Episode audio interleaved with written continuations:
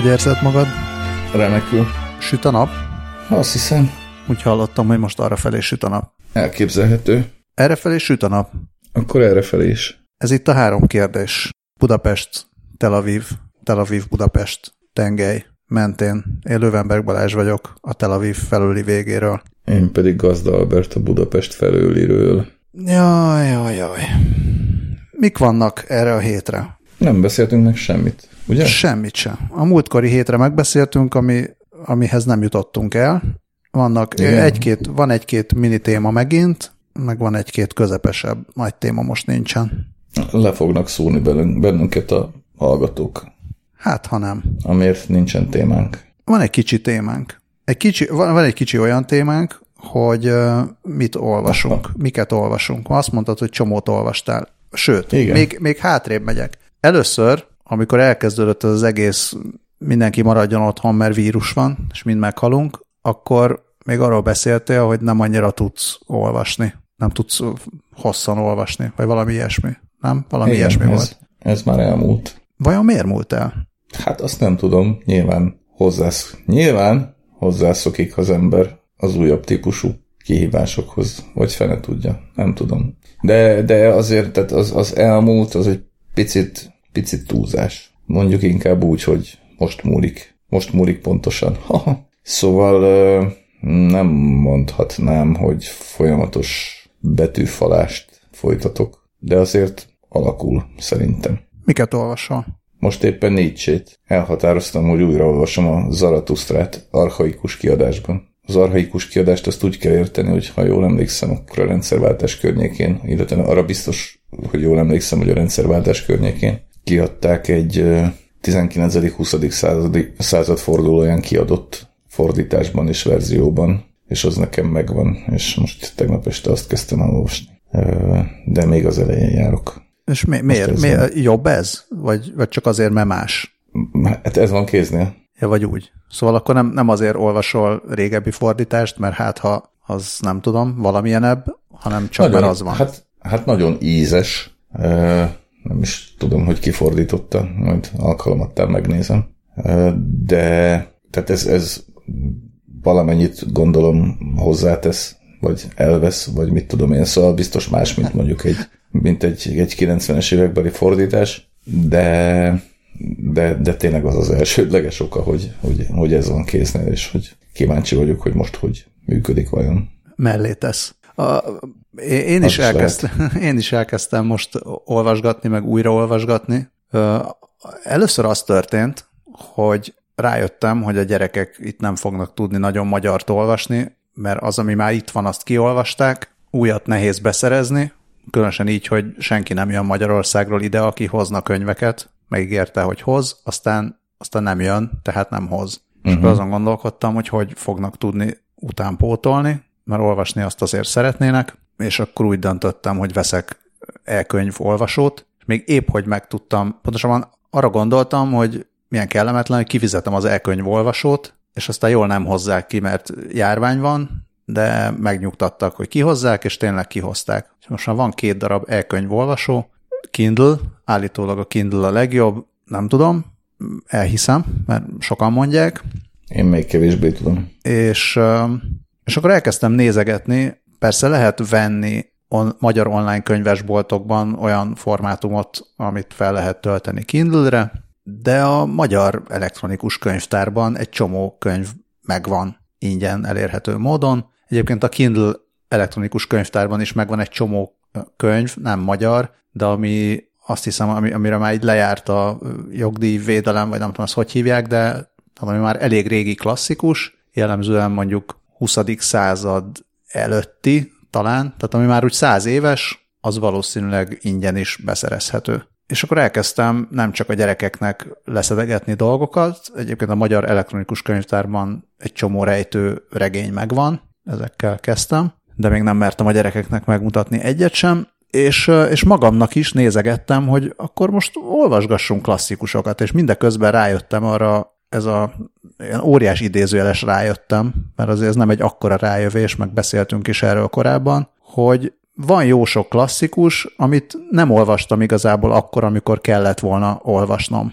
és ezt úgy értem, hogy nem akkor olvastam, amikor kellett volna olvasnom, mert mondjuk mostanában kellene olvasnom, ezzel szemben 15-16-17 évesen nyomta rám az élet vagy a tanterv, és akkor vagy nem olvastam el, vagy, vagy elcsaltam valamilyen módon, vagy elolvastam, de, de ilyen erőszakkal olvastam el, hogy nem maradt meg semmi belőle.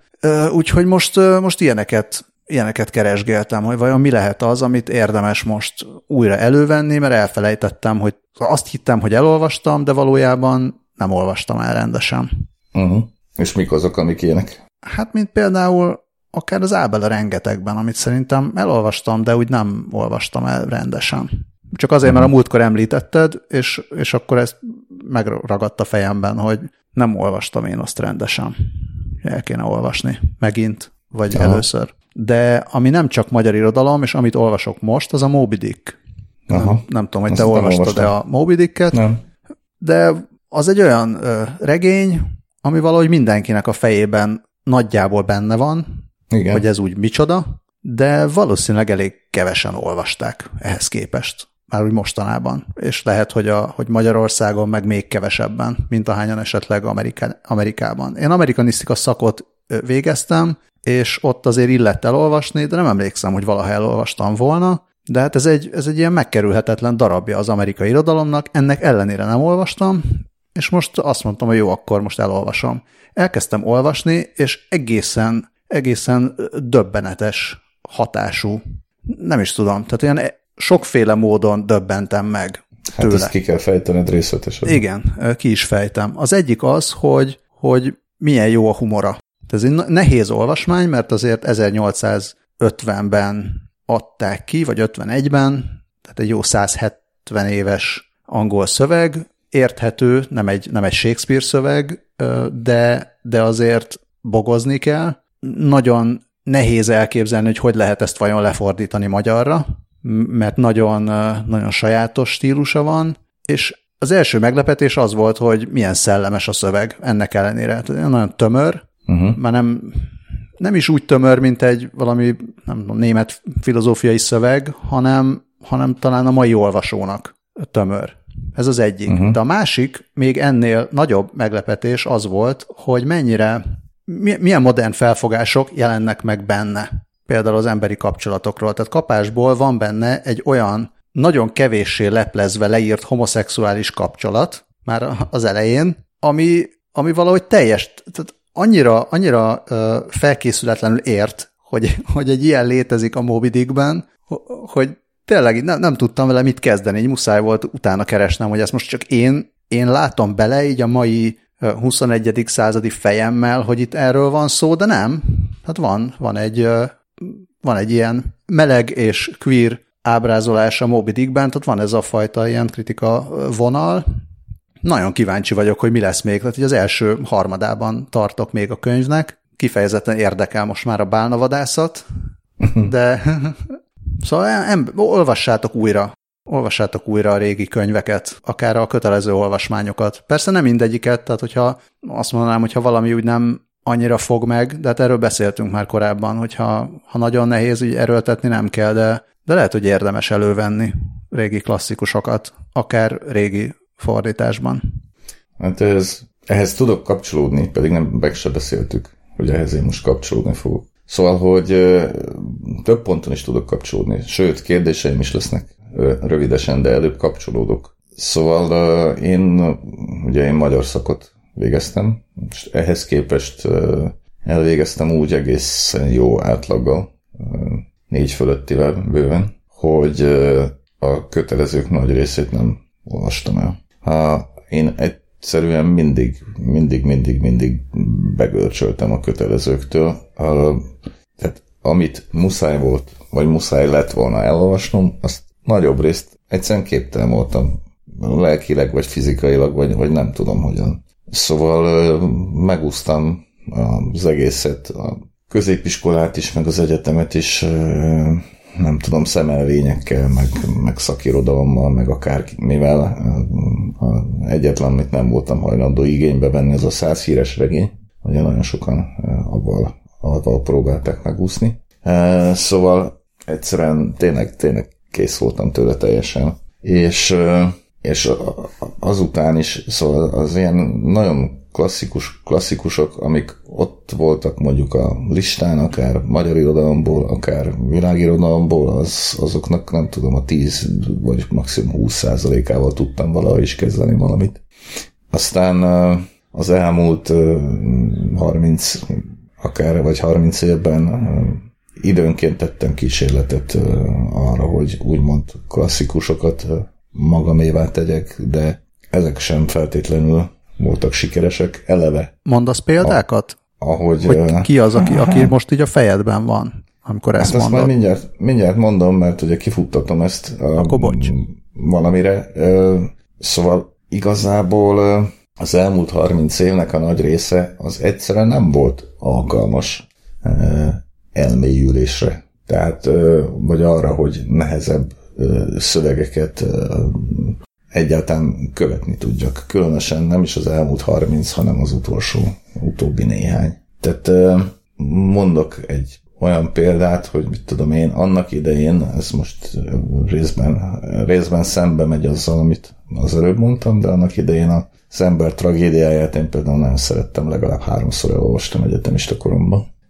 Vagy mondhatnám Petőfitől az apostolt is, és aztán nem tudom, x évvel ezelőtt arra gondoltam, hogy újra olvasom az ember tragédiát, hogy na most akkor vajon milyen. És, és elakadtam vele, tehát így, így ledobott magáról a szöveg, tehát a, a szövegnek a nyelve elsősorban. Na, és most viszont, amire ki akartam lyukadni, az meg az, hogy, hogy most nem tudom, akárhányadszor megint elővettem Sütő Andrástól az Anyám könnyű álmot ígért című könyvét, ami gondolom Magyarországon kötelező, nálunk nem volt kötelező, de az egyetemen feleségem belőle írta a szakdolgozatát például, meg eleve abban a közegben ez, ez egy ilyen alapműnek számított, vagy fontosnak, és én mindig lepattantam róla, akárhányszor próbáltam, vagy próbálkoztam vele. És akkor most viszont így nagy lendülettel, nem tudom, két nap alatt kiolvastam, és kifejezetten szórakoztatott, hogyha ez megfelelő kifejezés. Annyiban mindenképpen megfelelő, hogy hogy hát kifejezetten, illetve pontosabban sok helyen, sok helyen kifejezetten humoros mm, ez a könyv, és, és nagyon élvezetes a nyelve is, meg, meg nagyon élvezetes mondjuk egy, egy mezőségi falut a maga valóságosságában megismerni, persze nem a mostani állapotát, hanem az 50-es, 60-as évekbeli állapotát, ami részben idegen, teljesen, részben mégis, mégis otthonos. Szóval, hogy, hogy, hogy ez most így tök jól esett. És igazából ez vezetett arra, vagy vitt arra, hogy akkor most egy kicsit filozófiázzak is, akár régies nyelvezetű filozófiát tekintve is, vagy célba véve is, hogy hát ha most erre is így képes vagyok a elmúlt egy-másfél évtized blackoutja után. Szóval Szóval érdekes, és közben, közben meg nem arról van szó, hogy ez így azért válik lehetővé, mert így baromira belassult volna az idő, egyáltalán nincs erről szó, tehát tényleg egyik pillanatról a másikra érnek végig a napok, eh, ahogy arról írtam is a magyar hangban valamikor, nemrég, talán múlt héten. Egyébként az ehetiben meg, aki netalántán Budapesten vagy Magyarországon él a kedves hallgatók közül, és hozzájut a nyomtatott magyar hanghoz, az észre fogja venni benne, hogy a szanyám könnyű álmot ígér apropóján írtam valamit. Na, szóval csak azt akartam mondani, hogy nem arról van szó, hogy belassult volna az idő, és, és akkor emiatt most könnyebb lenne nehezebb szövegeket befogadni, rohadtul nem lassul be, tényleg egy perc, egy nap, de, de valahogy mégis így áthangolódott talán egy kicsit a nem tudom mi, a lelki-szellemi állapotom, vagy a fene tudja, hogy mi ez. Hát a március azért elég hosszú volt. Vagy olyan hosszúnak tűnt. Nem, Neked nem? Nem, nem rohadtul nem. Rohadt, egészen elképesztő. De mond, pont, pont tényleg múlt, múlt heti magyar hangban az még nem került ki online. Abba ugye a, a nagyképű Lét és Idő című, címmel írtam, írtam a szokásos helyemről, a szokásos kis nem tudom mimet, tárcámat, vagy mi az. Nem tudom, nem, meghatározhatatlan műfajú szövegemet. Tehát, hogy pont arról írtam, hogy, hogy gyakorlatilag a reggeli kávé az, ami ad valami kis ritmust az időnek, de egyébként megiszom a kávét, és megyek aludni. Tehát mármint olyan érzésem van, hogy, hogy egyszerűen tényleg sem, semmi. Tehát nem, nem órákból állnak a napok, nem napokból állnak a hetek, nem tudom, de egyszerűen olyan szinten múlnak el egyik pillanatról a másikra, hogy, hogy az valami hihetetlen. Soha nem volt még ilyen gyors az idő nálam. Tehát a március, nem is tudom, miért volt március, szóval nem, nem, nem, nem, nem lassú. Tehát ez tök fura, tehát igazából igazából nem is tudom, hogy miért van így, vagy miért érezhetem így, de nem csak én érzem így, hanem itt körülöttem az egész család így érzi, azt hiszem. Hogy meg sőt a barátaim közül is beszéltem, vagy méleztem többekkel erről, és, és szintén ez a benyomásuk, hogy, hogy furcsa módon egy, nem, hát nem azt mondom, egy, egy kapkodás az élet, de, de valami, valamilyen teljesen korábban nem tapasztalt furcsa furcsa múlása van az időnek, és, és ez egyáltalán nem lassú. Itt lehet, hogy Tel Avivban lassú, nem tudom. Hát inkább e, na, ellentétben áll ez a, ez a fajta érzés azzal, hogy ha visszagondolok arra, hogy mi volt március 1-én, meg mi volt februárban, akkor olyan, mintha évekkel ezelőtt lett volna. Persze én is most túlzok, de, de hogy olyan... Nekem olyan, mint hogyha tegnap, nem tudom. Aha, igen, igen. Nem, nem tudom, hogy ez Szerintem ez nem feltétlenül a Tel Aviv Budapest tengely lehet, hát, mert máshonnan, én máshonnan is ezeket, én, tudom, tudom, csak mondom, hogy akkor érdekes, hogy ez a, ez a két eléggé, tehát ilyen teljesen kontrasztban álló megélése most a napoknak, ez, ez egy egyszerre megvan, mert több helyről, ez nem, nem csak az én érzésem, hogy, hogy ez a március nagyon hosszú volt, hanem látom az erről való viccelődést, hogy már 31-én mindenki írogatta, hogy na most, hogyha már holnap is március 32 lesz, akkor nem tudom, mit csinálok, meg ilyen hasonlók. Aha. Szóval úgy tűnik azért, hogy ezt a négy fal közé szorulást, meg a járványhelyzethez hozzászokást, meg az élet felborulását, ezt azért elég sokan úgy élik meg, hogy ha nem, is, ha nem is lassan telik az idő, tehát lehet, hogy ilyen értelemben mégse az ellentéte annak, amit mondasz, hanem hogy, hogy nagyon sok minden történik annyi idő alatt, amennyi idő alatt korábban kevesebb minden történt. Hát nem tudom, nyilván azon múlik, hogy mire figyelsz, vagy hogy nem tudom, vagy hogy, vagy hogy hol vagy jelen. Fene tudja. De, de, de az, az lenne a logikus, tehát én is erre gondoltam volna, hogy majd úristen, de, de hogy, hogy, fog ez, hogy, fog, hogy fognak ezek a hónapok eltelni, és meddig fognak ezek a hónapok tartani, és nyilván nem lehet tudni, hogy mikor lesz vége, és hogyha vége lesz, annak az milyen vége lesz, és egyáltalán megszopjuk-e személyesen, vagy, vagy, vagy nem, vagy személyesen is barátaink, ismerőseink, rokonaink üzletfelénk, stb. által, stb. stb. stb. Szóval, hogy, hogy, hogy tényleg az lenne logikus, hogyha, hogyha muszáj lenne sietetni az időt. Számomra épp ez a paradoxon az érdekes, személyesen, hogy erről nálam ugye szó sincs. Tényleg, tényleg minden nap egy pillanat furcsa.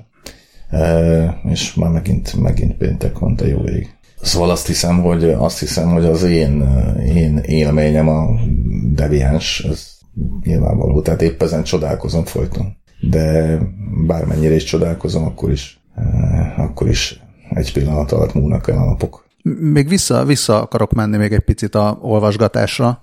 Hát akár hosszabban is, de egyébként én is nem csak azért, mert az kevésbé nyomasztó, mint az, hogy most itt kesergünk, hogy a pillanatok most éppen túl gyorsan vagy túl lassan telnek, és mind a kettő szar. De ez egyébként rohadtul érdekes. Valid, persze, persze, csak hagyjunk, más, hagy, hagyjunk meg, ez, szerintem ez egy jó téma lesz majd valamikor máskorra. Még esetleg a hallgatók meg az olvasók is beírhatnak. Amikor majd vagy lassabban, vagy gyorsabban fog tenni. Igen.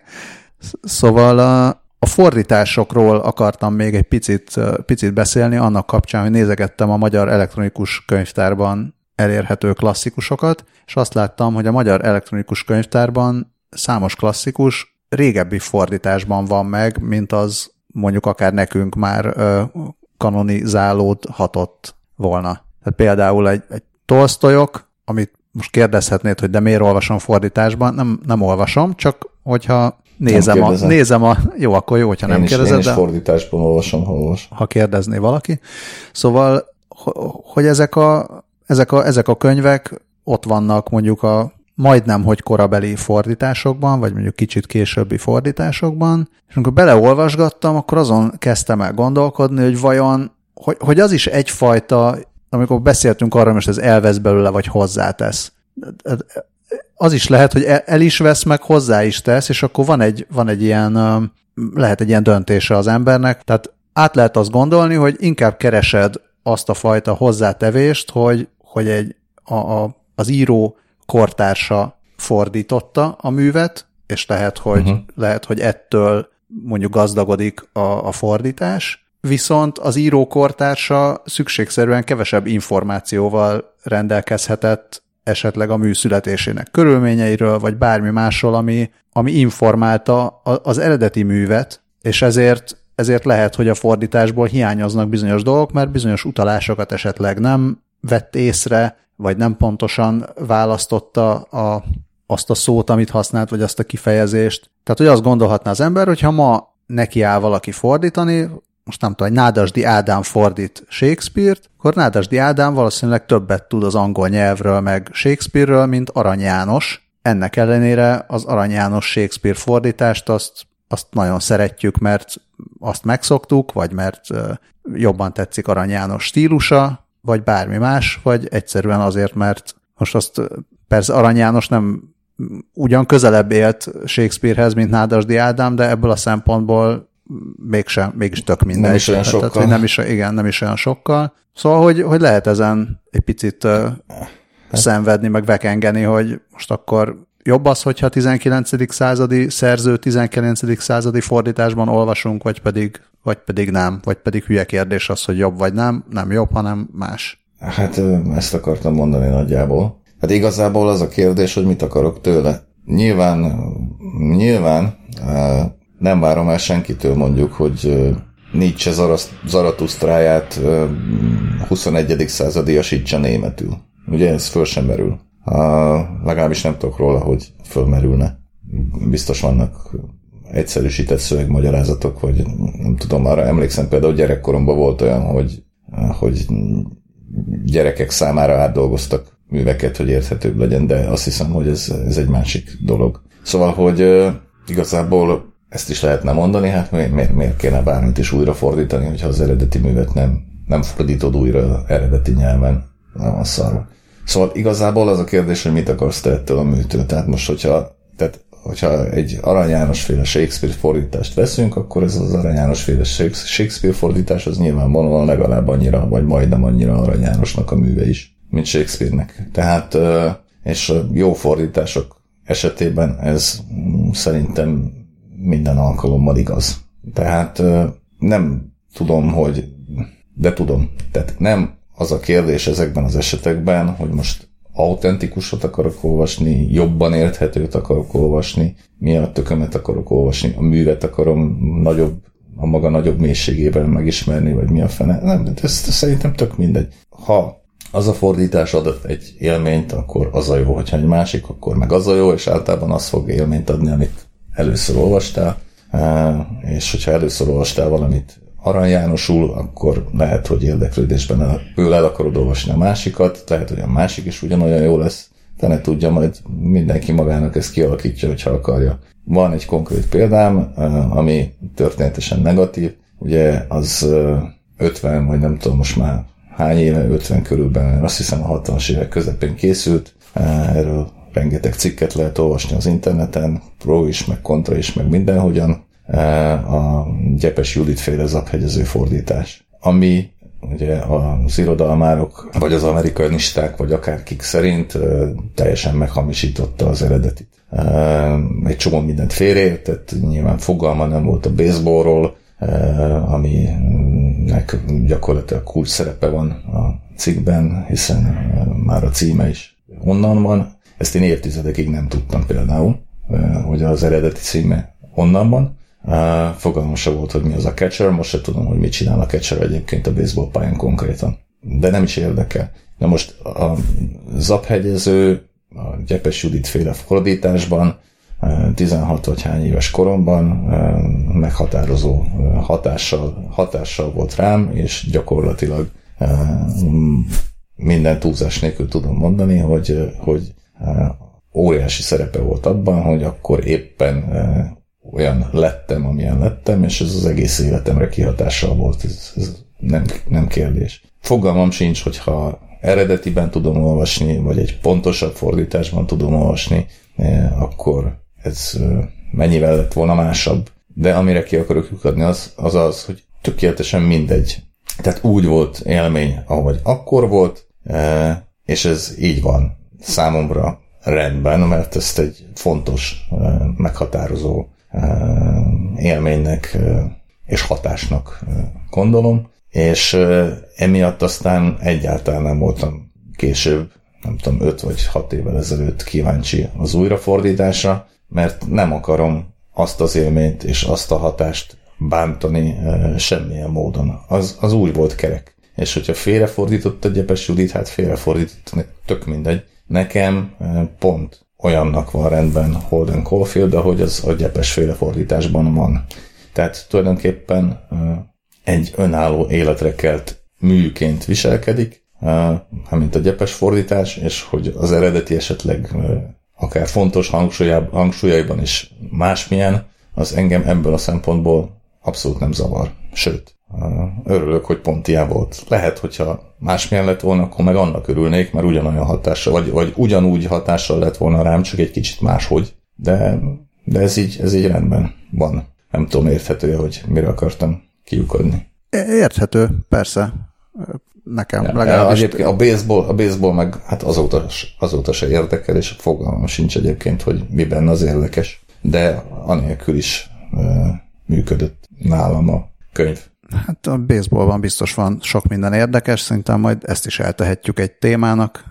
Ja, hát valamikor... biztos vagyok benne, persze, de hát én is ismerek olyan sportágakat, amikben nagyon sok érdekes van, amit egyébként nagyon sokan nem is tudnak, vagy, vagy nem uh, értik a részleteket. Na, de most a, megint csak tök jól, tök jól behoztál valamit, amire még akartam kérdezni, hogy jó, jó, de akkor, akkor mit csináljunk mégiscsak a kötelezőkkel? Tehát azt hiszem, ez is egy elég általános élmény, hogy az ember akkor, amikor valami kötelező, akkor nem tud mit kezdeni vele, nem azért, mert kötelező, hanem mert akkor van. Hát mert, mert, mert akkor a hamletet még nem érted, vagy nem úgy érted. Lehet, hogy te akkor az aphegyezőt nem úgy értetted, de ettől még nem, vagy nem, nem úgy értetted, ahol nagybetűsen érteni kellett volna, de ettől még ettől még értetted valahogy, ami neked jó volt, és ami, pont, ami miatt pont ma úgy olyan vagy. hogy kellett, hál' Istennek.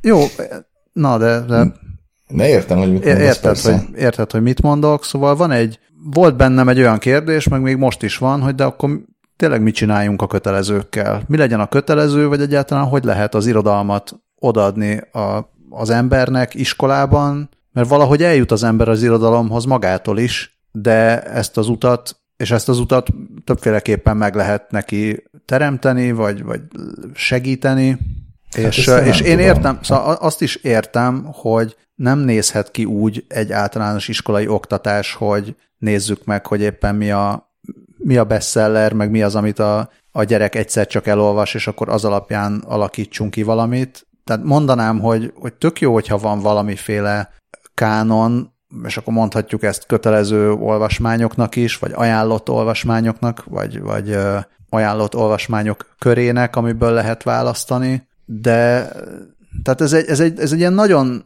nehéz kérdés, amit szülőként én azt érzem, hogy van valamiféle ilyen életélmény, meg élettapasztalat, amit tök szívesen adnék át a gyerekeknek valamilyen módon, nem azt mondva, hogy itt az én élettapasztalatom, és akkor ez most nektek a kötelező, amit el kell fogadni, meg meg kell nézni, és nézzetek meg minden filmet, amit én szerettem, és nézze, olvassatok el minden könyvet, amit én szerettem, de valahogy hát az oktatásnak is egy ilyesmi, van valamiféle ilyesmi része is, hogy amit a, a nemzet elfogadott, hogy ezek a jó könyvek, azokat lesztek szívesek gyerekek elolvasni, mégpedig ilyen sorrendben, e, e, ezt valahogy olyan jó lenne, tehát lehet azt is mondani, hogy jól van ez így most, és, és úgy is a, a gyerek majd ebből elolvas amennyit elolvas, megért amennyit megért, aztán majd 40, 50, 60, 70 évesen újra előveszi, ami tetszett neki, vagy amire úgy, emlékszett, úgy emlékezett, hogy hát tulajdonképpen ezt nem olvastam el rendesen, és majd újraolvassa, és majd akkor jó lesz. Én nem tudom, hát ehhez, ehhez, én, ehhez én egyáltalán nem értek, és nem is. Hát senki se ért nem is kompetenciám igazából, de tehát az biztos, tehát hogyha az a kérdés, hogy szerintem, vagy van-e ellentmondás a között, amit a mindenkori oktatás megpróbál csinálni, és a között, amit a mindenkori oktatott be tud fogadni, akkor nyilvánvalóan feszül itt egy, feszül itt egy feszültség, ez ugye nem kérdés. Ez mindig is így volt, és a jelek szerint mindig is így marad. Valószínűleg tartom, hogy a jelenleg össze, vagy az elmúlt hónapokban összebuherált NAT erre vonatkozó része, nem csak valószínűleg tartom, tudom is. Tehát az összebuherált NAT erre vonatkozó része, az még nagyobb feszültséget generál. A oktatott, vagy oktatni próbált irodalom és az oktatottak befogadó képességek között. Tehát a kötelező olvasmányok listája az mindig poros nem tudom, hogy ennek elvi alapon kell-e így lennie, vagy muszáj -e így lennie, vagy, vagy miért van ez, és, és hogy örökre így marad-e, és hogy mindenhol így van-e, fogalmam sincs, nem ismerem ezeket a dolgokat. Nem tudom például, hogy mondjuk az állandóan hivatkozott Finnországban mi a kötelező olvasmányok listája, de mindegy is. És azt se tudom, hogy egyébként feltétlenül muszáj mindenkinek baromi sokat olvasnia, mert különben nem tudom, különben nem lesz teljes értékű tagja a felnőtt társadalomnak, nem vagyok benne biztos, hogy ez így van.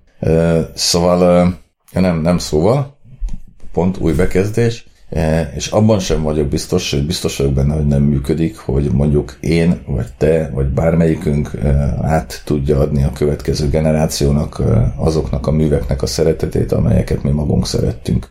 Szerintem ez is lehetetlen. Hát meg egy hiszen, picit nagyképű is. Hát nem baromi is picit. Nagykép, egyrészt baromi nagyképű, másrészt pedig, másrészt pedig más a kontextus. Tehát mindig minden a saját maga kontextusában érvényes igazán. Én is uh, nyilván a, nagyon szerettem volna, hogyha a gyerekeim is szeretik az iskola határont, vagy a vagy a szabhegyezőt, vagy a, nem tudom, tudnék itt, vagy 40-et felsorolni, akár az ember tragédiát, tragédiáját is beleértve. E, aztán ha én nyomom a kezükbe, akkor nem biztos, hogy szeretni fogják, hogyha kötelező irodalom keretében nyomják a kezükbe, akkor sem biztos, hogy szeretni fogják, és az is lehet, hogy valahogy eljut másképpen hozzájuk, és ugyanaz, és szeretni fogják, de hogyha nem ugyanaz jut el hozzájuk, hanem más dolgok jutnak el hozzájuk, és azokat szeretik, akkor, akkor hát azokat szeretik, Istenem. Szóval nálunk egyébként hogy, hogy is mondjam, szóval fordított, fordított irányok is voltak, volt, van olyan is, amit mondjuk a gyerekeim révén ismertem meg én, és, és kedveltem meg, és, és a másik irány is működik, de összességében azért tényleg az, a, az egy alapvető élmény, hogy, hogy, hogy azért lepattansz, hogyha, hogyha nagyon sokszor próbálkozol, és ez már csak azért se jó, mert csalódott leszel miatta. Úgyhogy ezt biztos, hogy nem kell erőltetni, és itt vissza tudom idézni azt is, nekem az anyám nagyon sokat olvasott, illetve amennyire lát szegény, még most is próbálkozik, és volt, ami mm, sikerült neki, mármint hogy amit a kezembe próbált adni, azt végül megszerettem, mit tudom én, mit például hirtelen jut eszembe Móricz Zsigmondtól a Boldog Ember, az az abszolút kedvenc Móricz könyvem, neki is az volt. Más dolgokkal meg, meg nem járt szerencsével, nem tetszettek, nem találtam érdekesnek egyáltalán, e, és, és el sem olvastam, és olyankor biztos, hogy csalódott volt. Szóval, hogy, hogy valahogy ezt, ezt nyilván okosan kell kezelni, mert egészen biztos, hogy nem pont ugyanaz lesz az élmény, ami neked volt, és hogyha már csak hasonló is, az, az már mindenképpen öröm. A kötelezőkhöz visszakanyarodva, tehát nem tudom, szerintem ez, ez képtelenség, hogy, hogy úgy megtanítsuk a, az ókori görögöktől a 21. századig az irodalmat, hogy az egy gyereknek izgalmas legyen az elejétől a végéig. Hát ki van zárva? Ki van zárva. Ugye beszélgettünk régen a Iliászról, eh, amit eh, olvastál akkor, emlékeim szerint ez már évekkel ezelőtt volt. Eh, nem tudom elképzelni, hogy hogy ne kelljen mondjuk egy 16 éves, vagy 18 éves, vagy 20 éves gyereknek ahhoz valami kattanás az agyába, hogy azt, azt úgy első nekifutásra érteni, értelmezni és élvezni tudja. És a kötelező irodalom, irodalom listáján millió ilyen van.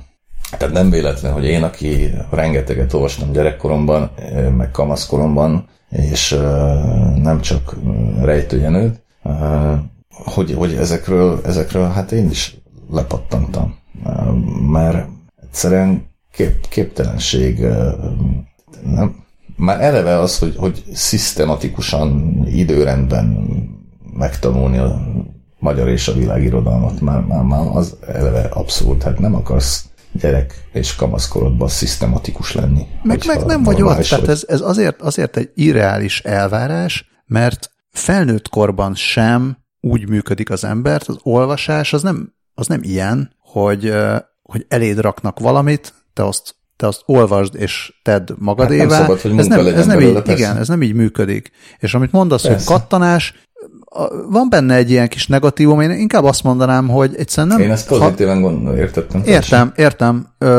Csak azt mondom, hogy, hogy van benne egy ilyen érték, érték nyilvánítás, de, de arról van szó, hogy hogy rá kell, hogy legyél hangolva, mert ha nem vagy ráhangolva, el tudod olvasni a betűket meg a szavakat, de nem, nem lesz az egésznek Persze. semmi értelme, és ezért maga az, hogy kötelező olvasmány, ö, lehet, hogy lehet, hogy lenne értelme. Dolog, mert muszáj. Igen, de lehet, hogy lenne, de olyan értelemben lehet valami kötelező, hogy, hogy azt mondják, hogy ha te eljutsz 18 éves korodig, és leérettségizel, akkor bizonyos dolgokat tudnod kell. Ugyanúgy, hogy nem akkor mehetsz óvodába, ha el tudsz menni WC-re egyedül. És oké, okay, kötelező, de, de azt mondjuk, hogy ezt muszáj. És hogyha egy egészséges, megint csak értékítélet nélkül, vagy hát, hogy átlagos ember vagy, akkor ezt meg fogod tudni csinálni. Ha meg nem, akkor, akkor valamilyen módon segíteni kell.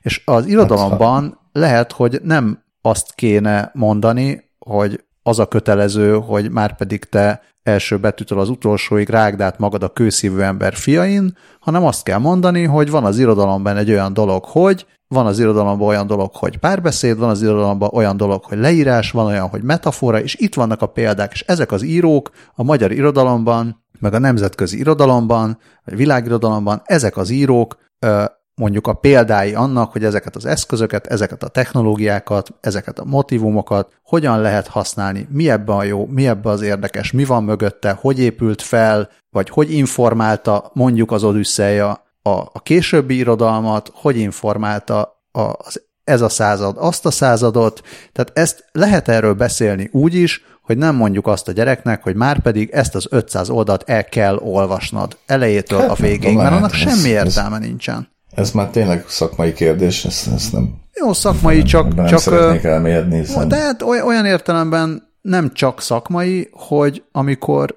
amikor én most itt állok, vagy ülök, vagy sokan mások állnak, vagy ülnek itthon, a, vagy otthon a gyerekeikkel, és akkor visszatérnek abba, hogy oké, okay, valahogy rá kéne venni a gyereket, hogy, hogy tanuljon, vagy valahogy rá kéne venni a gyereket, hogy, hogy olvasson, vagy akár nem csak azért, mert most otthon oktatás van, hanem egész egyszerűen megint visszatérve ehhez, hogy szeretném, hogyha azok a tapasztalatok, amik nekem megvannak, legalábbis valamilyen módon segítenék a gyerekemet is, vagy az a világlátás, vagy az a, az, a, az irodalmi mű, az, az, az járna nála is, hát ha tetszik neki is, és hát ha lát valami szépséget a világban ezáltal ő is, akkor lehet, hogy nem nem az a célra vezetőbb, hogyha azt mondom, hogy most akkor ezt, ezt az egészet, ezt itt el kell olvasnod, mint ahogy ezt nem is, nem is csinál ilyet egy szülő, legalábbis mostanában nem, hanem, hanem ezeket a kis apróságokat lehet, hogy érdemes mutogatni falatkában,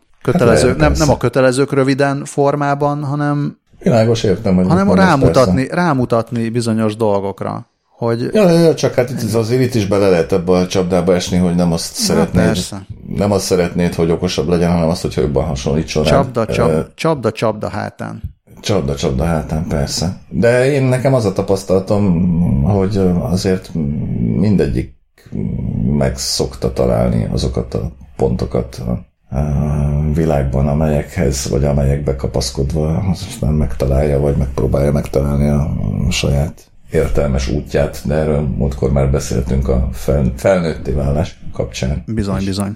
Egyébként én azt akartam még tőled kérdezni, hogy a rejtőt említetted te is meg az elején, hogy még, vagy nem biztos, hogy azt mondtad, hogy még, de hogy, hogy egyelőre nem, nem rejtőzteted a gyerekeket, és olyan érzésem volt, hogy itt még mondhatnál valamit, hogy miért, vagy hogy, vagy, vagy most ez Mondhatnék. Vagy most ez, mondhatnék, ez itt hogy is van? Úgy történt, hogy elkezdtem gondolkodni, hogy vajon mi lenne az, amivel lehetne kezdeni, és elkezdtem olvasni ilyen szemmel először a 14 karátos autót, azután a Piszkos Freda kapitányt, és azután talán még az ellopott futárt próbáltam. Az már, jó, az már alakul. Próbáltam, próbáltam nézni, hogy vajon mi az, amivel, mi az, amivel hmm. lehet kezdeni, mi az, ami mi bekattanhat, és még, még úgy ér, valami miatt Szerintem még bátortalan vagyok. Szerintem egyértelműen. Hát egyrészt a Vesztek Záró Grand Hotelben, ugye, ami eleve kínálja magát, másrészt meg a szőke ciklon, ami szintén erősen kínálja magát, és az ellopott futárt mondtam volna a harmadiknak.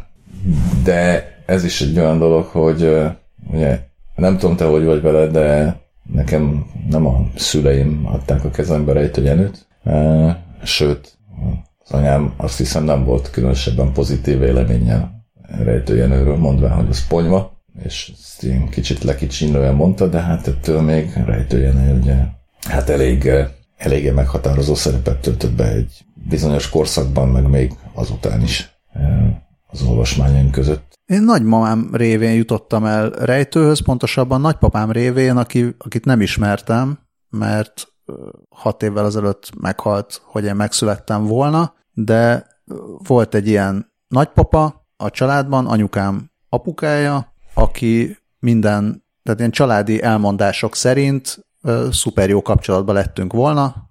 Ö, a fazekasnak volt igazgatója, és ilyen klasszik, klasszik értelmiségi ember, egy szovjet értelmiségi, mármint úgy, úgy értem, hogy ilyen kommunista értelmiségi, tehát ő uh, abszolút, hát azt nem tudom, milyen, mennyire volt ő ilyen pártember, de hát iskolaigazgató volt a, a, az 50-es, 60-as években, szóval milyen lett volna. Ezzel együtt jó fej volt, meglepő módon voltak jó fej emberek, ilyenek is, ezt most csak mondom azoknak a hallgatóknak, akik esetleg elfelejtették volna, hogy voltak. voltak. Vagy, vagy sose hallottak volna róla. Igen, szóval uh, angol tanár volt, uh, tehát hogy egy, egy ilyen szuper jó fej értelmiségi ember lehetett, és állítólag ő nagyon szerette. Tehát tőle, szóval rajta keresztül hallottam így, hogy ő mennyire szerette a svejket, meg mennyire szerette a rejtőt, meg, meg ilyenek, és ez nekem mondjuk már ilyen, ilyen tíz éves korom körül egyszer csak így meghozta a svejket is, meg a rejtőt is, Szóval uh-huh. egészen, egészen korán. Tehát erre emlékszem, hogy a, ott a, a nagymama háztartásában voltak ezek a könyvek mindenféle régi kiadásokban, és akkor, amikor mentünk a nagymamához, akkor ezeket előkapartam, és, és olvastam. De hogy ilyen régi-régi, vagy, vagy már azért az Albatrosz? Mm, Albatrosz, Albatrosz, uh-huh. tehát ez uh, annyira nem régi-régi. De abszolút, uh-huh. a, abszolút ez a igen, rongyá olvasott Albatrosz könyvek még a, a szag, szaga is megvan annak a papírnak, szóval ez, ez hát nagyon... Nekem meg maguk, maguk a könyvek is megvannak. Hát valahol biztos megvannak Már egyébként a könyvek is, csak a új albatroszok? Ja nem, de hogy, hát nem, a, azok, amiket én magam vettem a 70-es évek közepétől kezdődően, vagy második felétől. Megszereztem be mindenhonnan, később antikváriumból, akárhonnan, amit csak lehetett. Még azt, a, azt akartam, még egyébként most akkor a pár témához nem jutottunk el, mert jól elment ez a 37 hát perc. Mint percek, Sőt. úgy mennek el ezek a percek. Mint a másodpercek. Hogy nem maradjunk már receptrovat nélkül. Képzeld, csináltam mandarin lekvárt. Hát nagyon ügyes, hogy én nem csináltam. Annyi, annyival talán egy picit előnyben voltam, hogy van mandarinfa a kertben. Hát ez és, Picit de, de nem olyan mandarin, amit az ember megenne szívesen, mert ez ilyen díszmandarin, szépen néz ki, illetve most már az van, hogy hullik róla a mandarin, mint a rettenet, és ott Kicsit rohad, sárga, kis rohad. savanyú, de ott éltek? Nagyon sárga, nagyon szép narancssárga színe van, nagyon savanyú, nagyon magos, de a miénk, úgyhogy csak annyit csináltam, nem is szüreteltem rettenetesen, hanem egyszerűen szedtem fél kilót gyorsan, felvagdostam, ugyanannyi cukor, kicsit több cukorral, összefőztem, és egy olyan trükköt találtam még, ezt biztos, aki rendszeresen főz narancs vagy mandarin lekvárt, az már ezt mind tudja, de én nem tudtam, hogy a magot érdemes vele együtt főzni, de úgy külön, hogy ne kelljen aztán szedegetni a magot, és azt úgy csináltam, hogy egy ilyen tea szűrőszerűségbe beleraktam a magokat, együtt főztem egy olyan 20 percig, utána a magokat kivettem, és állítólag ettől kijön belőle a pektin, amitől uh-huh. bezselésedik majdan. És azóta kiderült, hogy ez tényleg így van, vagy hát nem tudom, hogy tényleg ezért el, mindenestre bezselésedett rendesen, és semmi más nem kell hozzá. Kizárólag gyümölcs, cukor és víz, és ennyi. És van Őrület. két üveg, egészen kiváló mandarin lekvár. Ma reggel azt tettem pirítósra, és jó volt. Őrület. Kedves hallgatóink, vásároljanak mandarint, és az imént elhangzott recept alapján készítsenek reggelire mandarin lekvárt. Sőt, uzsonnára is jó. Igaz? Uzsonnára is jó. Igaz. Vacsorára is. Sütibe is. Bármire. Ezt a recept, receptrovatot bevezethetnénk, hogy ezzel, ezzel zárunk mindig. Ezúton be is vezettük. Viszont akkor legközelebb majd te jössz. Legközelebb én jövök. Kitalálok. Hát egyrészt biztos, hogy csinálok valamit, mert állandóan főzök, vagy ne jó, nem állandóan, de majdnem minden nap. És, és akkor majd elmesélem, hogy mit főztem, és hogy milyen lett. Mármint, hogyha jó lett. Ha rossz lesz, akkor, akkor eltitkolom. Hát a tapasztalataidat elmondhatod. Akkor is. Hogy ne, lépjünk kétszer ugyanabba a folyóba. De még annyit el akartam Semmiképp. mondani, ö, apropó receptrovat, receptrovathoz follow-up, hogy írt egy kedves hallgató, Na, hogy ö, csinálna bagelt, de nem biztos benne, hogy ugyanarra a receptre gondolunk, és ez-e az a recept, mert ő ezt a receptet találta, és akkor linkelte, hogy melyik receptet találta. Uh-huh. Én mondtam neki, hogy hát én igazából azt a jegyzetekbe beraktam, és később el is ismerte, hogy valóban nem vette éppen észre, viszont mennyire jó igazolása annak, amit mondtam, hogy ugyanazt a receptet találta meg ő is, amit én. tök jó. Mert hogy arról beszéltünk, hogy van egy bagel recept, amit az ember megtalál, amikor azt keresi, hogy melyik a legjobb bagel recept az interneten. Tök jó. Viszont akkor nekem is eszembe jutott még, hogy egy kedves hallgató jelezte, hogy nem lenne hülyeség, hogyha a kasz.hu-n és akár a hírlevélben is jeleznénk, sőt, főleg a hírlevélben jeleznénk, hogy mely platformokon és milyen módon elérhető a podcast. Tehát, hogy ne csak a kasz.hu-s linket adjuk meg, hanem mit tudom én, Spotify-t, meg akármit, vagy hogy egyáltalán jelezzük, hogy ott van a Spotify-on, meg az akárhol. Ez egy nagyon jó észrevétel, köszönjük szépen a kedves hallgatótól ezt az észrevételt. Jelezni fogjuk, hogy mindenhol elérhető, sőt, már most jelzem, hogy elérhető mindenhol, hogyha az ember rákeres arra, hogy három kérdés bárhol, akár a Spotify-on, akár nem a Spotify-on, akár bármelyik másik podcast hallgatóba, akkor ami kijön, az mi vagyunk. Legalábbis remélem, hogy nincsenek imposztorok, akik megszemélyesítenek minket, és valami mást mondanak, de majd akkor linkelem is, hogy még egyszerűbb legyen. Igen, hát az, az egyszerűség az erény napjainkban is. Az, az egyszerűség és a célszerűség. Jó.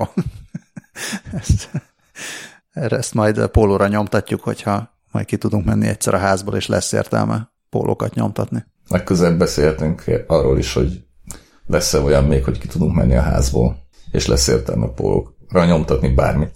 Jól van. Akkor majd mindenről beszélünk legközelebb is. Mindenről is. Drága hallgatók, nagyon szépen köszönjük a hallgatást, köszönjük a, az ilyen jellegű észrevételeket, mint az előbbi, meg az amolyanokat is, bármi az e-maileket lehet küldeni három kérdés kukackast.hu címre, vagy akár ezek szerint Albertnek közvetlenül lehet kommentelni. Akár a, úgy is. Lehet kommentelni a Facebookon, mi, mindent lehet csinálni. Nagyon köszönjük a Még megosztásokat egyet, is. még- Még, még egyet. egyet. Mondj még egyet. Még egyet mondanék, még csak eszembe jutott közben, hát mindig eszembe jut a végén valami, és szerintem ebből is csinálhatunk hagyományt, mert tulajdonképpen ez egy, egy eléggé idegesítő szokásom.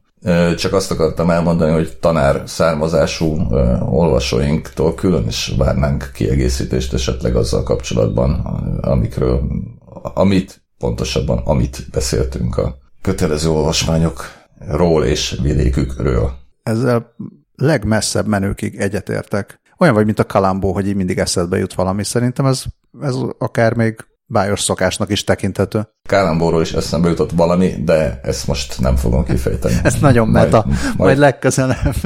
majd máskor beszélünk Kalambóról, vagy arról, amiről, ami Kalambóról eszembe jut. Jó, elköszönni már elköszöntem, de nem köszöntem még el, úgyhogy szerbusztok. Jó éjszakát!